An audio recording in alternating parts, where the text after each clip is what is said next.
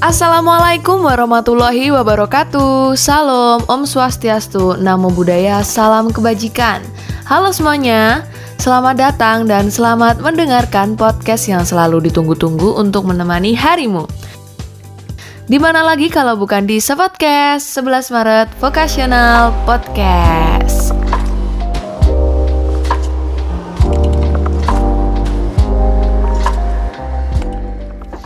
Kali ini aku akan nemenin kalian bersama dengan tamu spesial. Wah, kira-kira siapa ya? Daripada penasaran, langsung aja kita sambut.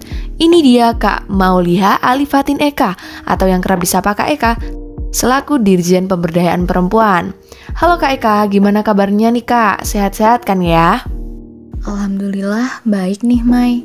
Kamu sendiri gimana tuh?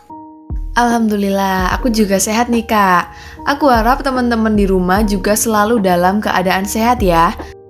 Akhir-akhir ini kita emang lagi banyak disibukkan dengan rangkaian dari ujian tengah semester atau UTS. Teman-teman di rumah pasti juga ngerasain pusing karena banyak tugas kan ya. Aku harap teman-teman di rumah juga jangan lupa buat selalu menjaga kesehatan, ya nggak kak? Bener tuh, dan jangan lupa ya buat selalu patuhi protokol kesehatan supaya pandemi ini cepat berakhir. Nah, podcast kali ini agak berbeda ya, karena ini pertama kalinya kita ngepodcast di bulan suci Ramadan. Gak kerasa ya, perasaan baru aja kemarin kita lebaran dan sekarang udah bulan puasa lagi. Nah, kita juga mengucapkan selamat menunaikan ibadah puasa bagi teman-teman yang menjalankan ya. Semoga puasanya lancar dari awal sampai akhir dan aku juga berharap nih buat teman semuanya semoga UTS-nya mendapatkan hasil yang memuaskan. Amin. Ngomong-ngomong bulan puasa nih, Mai. Biasanya kan kalau lagi puasa tuh kita bawaannya ngantuk kan jadi kayak abis UTS berasa gabut gitu loh. Walaupun nih sebenarnya banyak banget tugasnya. Dan akhirnya malah tidur-tiduran mulu. Nah bener tuh kak, itu sebenarnya malah jadi problematika yang kita hadapin saat ini kan ya? Nah daripada teman-teman gabut dan cuman tidur-tiduran gara-gara nungguin azan maghrib, mending buka Spotify dan dengerin podcast kita. Karena kita bakal nemenin teman-teman ngabuburit dengan topik yang seru abis deh pokoknya. Nah, bikin penasaran gak sih? Emangnya topik yang kita bahas kali ini apaan sih kak? Nah, jadi gini Mai. Karena hari ini kan bertepatan dengan Hari Kartini. Topik yang bakal kita bahas kali ini yaitu tentang Raden Ajeng Kartini. Mulai dari sejarah hidup beliau sampai dengan perjuangan beliau menyetarakan derajat perempuan dan laki-laki. Wah, mantap tuh kak. Ini sih menarik banget. Ngomong-ngomong soal Raden Ajeng Kartini, pasti nggak asing juga dong teman-teman sama buku yang berjudul Habis Gelap Terbitlah Terang, karya beliau. Buku ini merupakan kumpulan surat yang beliau tulis masa hidupnya.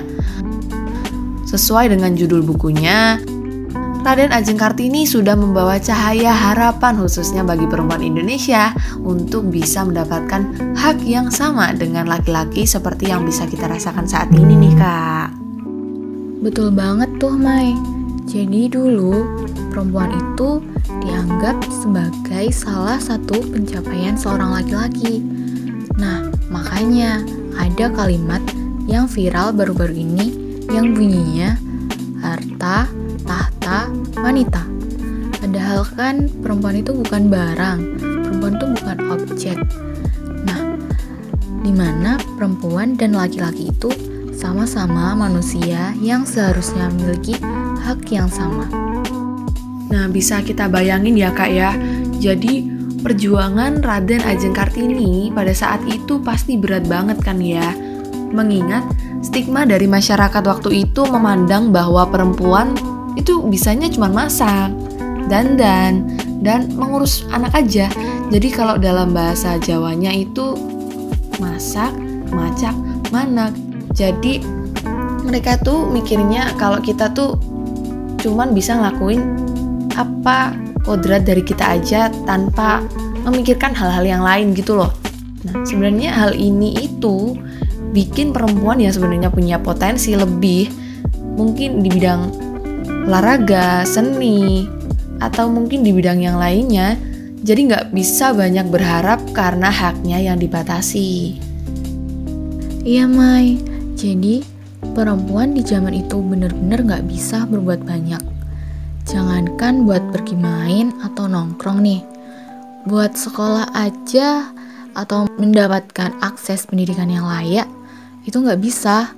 Nah, orang yang bisa sekolah itu merupakan anak dari ningrat atau bangsawan kayak gitu. Wah, sedih juga ya kak. Kalau kita hidup di zaman itu, mungkin kita juga nggak bisa sekolah, apalagi bisa kuliah di UNS kayak sekarang ini. Tapi di sisi lain nih kak, aku juga bersyukur banget atas jasa yang telah Raden Ajeng Kartini dedikasikan untuk perempuan dan untuk Indonesia. Teman-teman di rumah juga jangan lupa bersyukur ya. Nah, setelah menengok sedikit ke masa lalu atau sejarah dari Raden Ajeng Kartini nih, di depan aku udah ada Raden Ajeng Kartini masa kini loh. Contoh perempuan yang melanjutkan perjuangan Raden Ajeng Kartini yaitu Kak Eka. Wah, sebenarnya nih kalau dibilang uh, melanjutkan perjuangan Kartini, aku tuh nggak terlalu banyak gitu loh, nggak terlalu uh, sebesar itu jasanya kayak Kartini misal. Tapi ya oke okay lah kalau misal dibilang melanjutkan perjuangan Kartini. Kak Eka tuh emang sukanya merendah gitu guys. Kak, nih aku mau tanya-tanya sedikit nih sama Kak Eka apa sih motivasi kakak sampai memutuskan untuk bergelut di isu pemberdayaan perempuan? Kalau ditanya apa sih motivasiku buat memutuskan bergelut di bidang ini, di isu pemberdayaan perempuan, uh, alasanku yang pertama karena aku perempuan. Dan yang kedua, melanjutkan dari yang pertama, karena aku perempuan, jadi ya siapa lagi gitu yang bakal berisik di timeline, yang bakal berisik di sosial media dan di sekitar kalian kalau bukan kita perempuan kayak gitu Mai. Nah bener juga tuh kak. Jadi kita sebagai perempuan itu sebenarnya harus punya kayak kesadaran dari diri kita masing-masing tuh. Jangan cuma bersyukur aja karena kita udah diselamatkan masa depannya oleh Raden Ajeng Kartini, tapi kita juga harus um, melanjutkan perjuangan dari Raden Ajeng Kartini juga seperti yang udah dilakuin sama Kak Eka nih misalnya. Nah, Kak Eka tuh pasti punya dong public figure yang jadi teladan buat Kak Eka. Kira-kira seperti apa sih sosoknya? Terus kenapa tuh Kak Eka memilih dia sebagai public figure yang dijadikan sebagai teladan buat Kak Eka? Sosok public figure ya? Uh, kalau dari aku sih, aku punya dua orang nih yang menurutku mereka keren banget dan bisa dijadikan role model sama kita. Yang pertama itu ada kita Safitri. Terus yang kedua ada Mbak Kalis Mardiasi. Kalau yang kita Safitri, kita udah tahu kan kalau di channel YouTube-nya sering bahas tentang isu-isu gender dan kalau Mbak Kalis sendiri juga sama sih, cuman medianya bukan channel YouTube ya, melainkan buku dan tulisan kayak gitu nih. Wah, dua sosok itu Kak Gita Safitri dan Kak Kalis Mardiasi itu emang teladan juga ya buat kita. Jadi contoh juga Kartini masa kini yang memperjuangkan perempuan dengan pembahasan isu-isu gender kayak gitu di bidangnya masing-masing. Oh ya, Selanjutnya aku juga mau tanya nih sama Kak Eka. Gimana sih pendapat Kak Eka tentang pemimpin perempuan? Nah, kan sekarang banyak tuh profesi atau pekerjaan yang sebenarnya didominasi sama kaum laki-laki. Contohnya kayak tentara, sama polisi, dan lainnya mungkin ya. Yang sekarang udah banyak perempuan yang terjun di profesi tersebut. Misalnya aja Kak Najwa Shihab nih, yang sangat pemberani dan kritis dalam membawakan isu-isu sebagai pembawa acara di salah satu stasiun televisi tuh kak.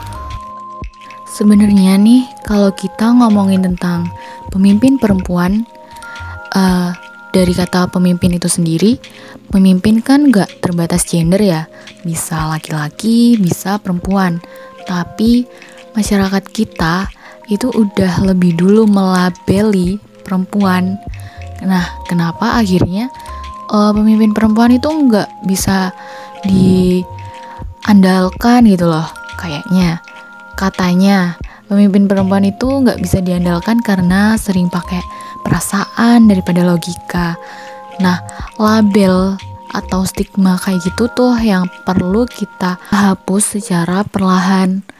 Kayak kita juga perlu gitu membuktikan kepada mereka kalau uh, label tentang perempuan yang gak bisa memimpin itu gak sepenuhnya benar.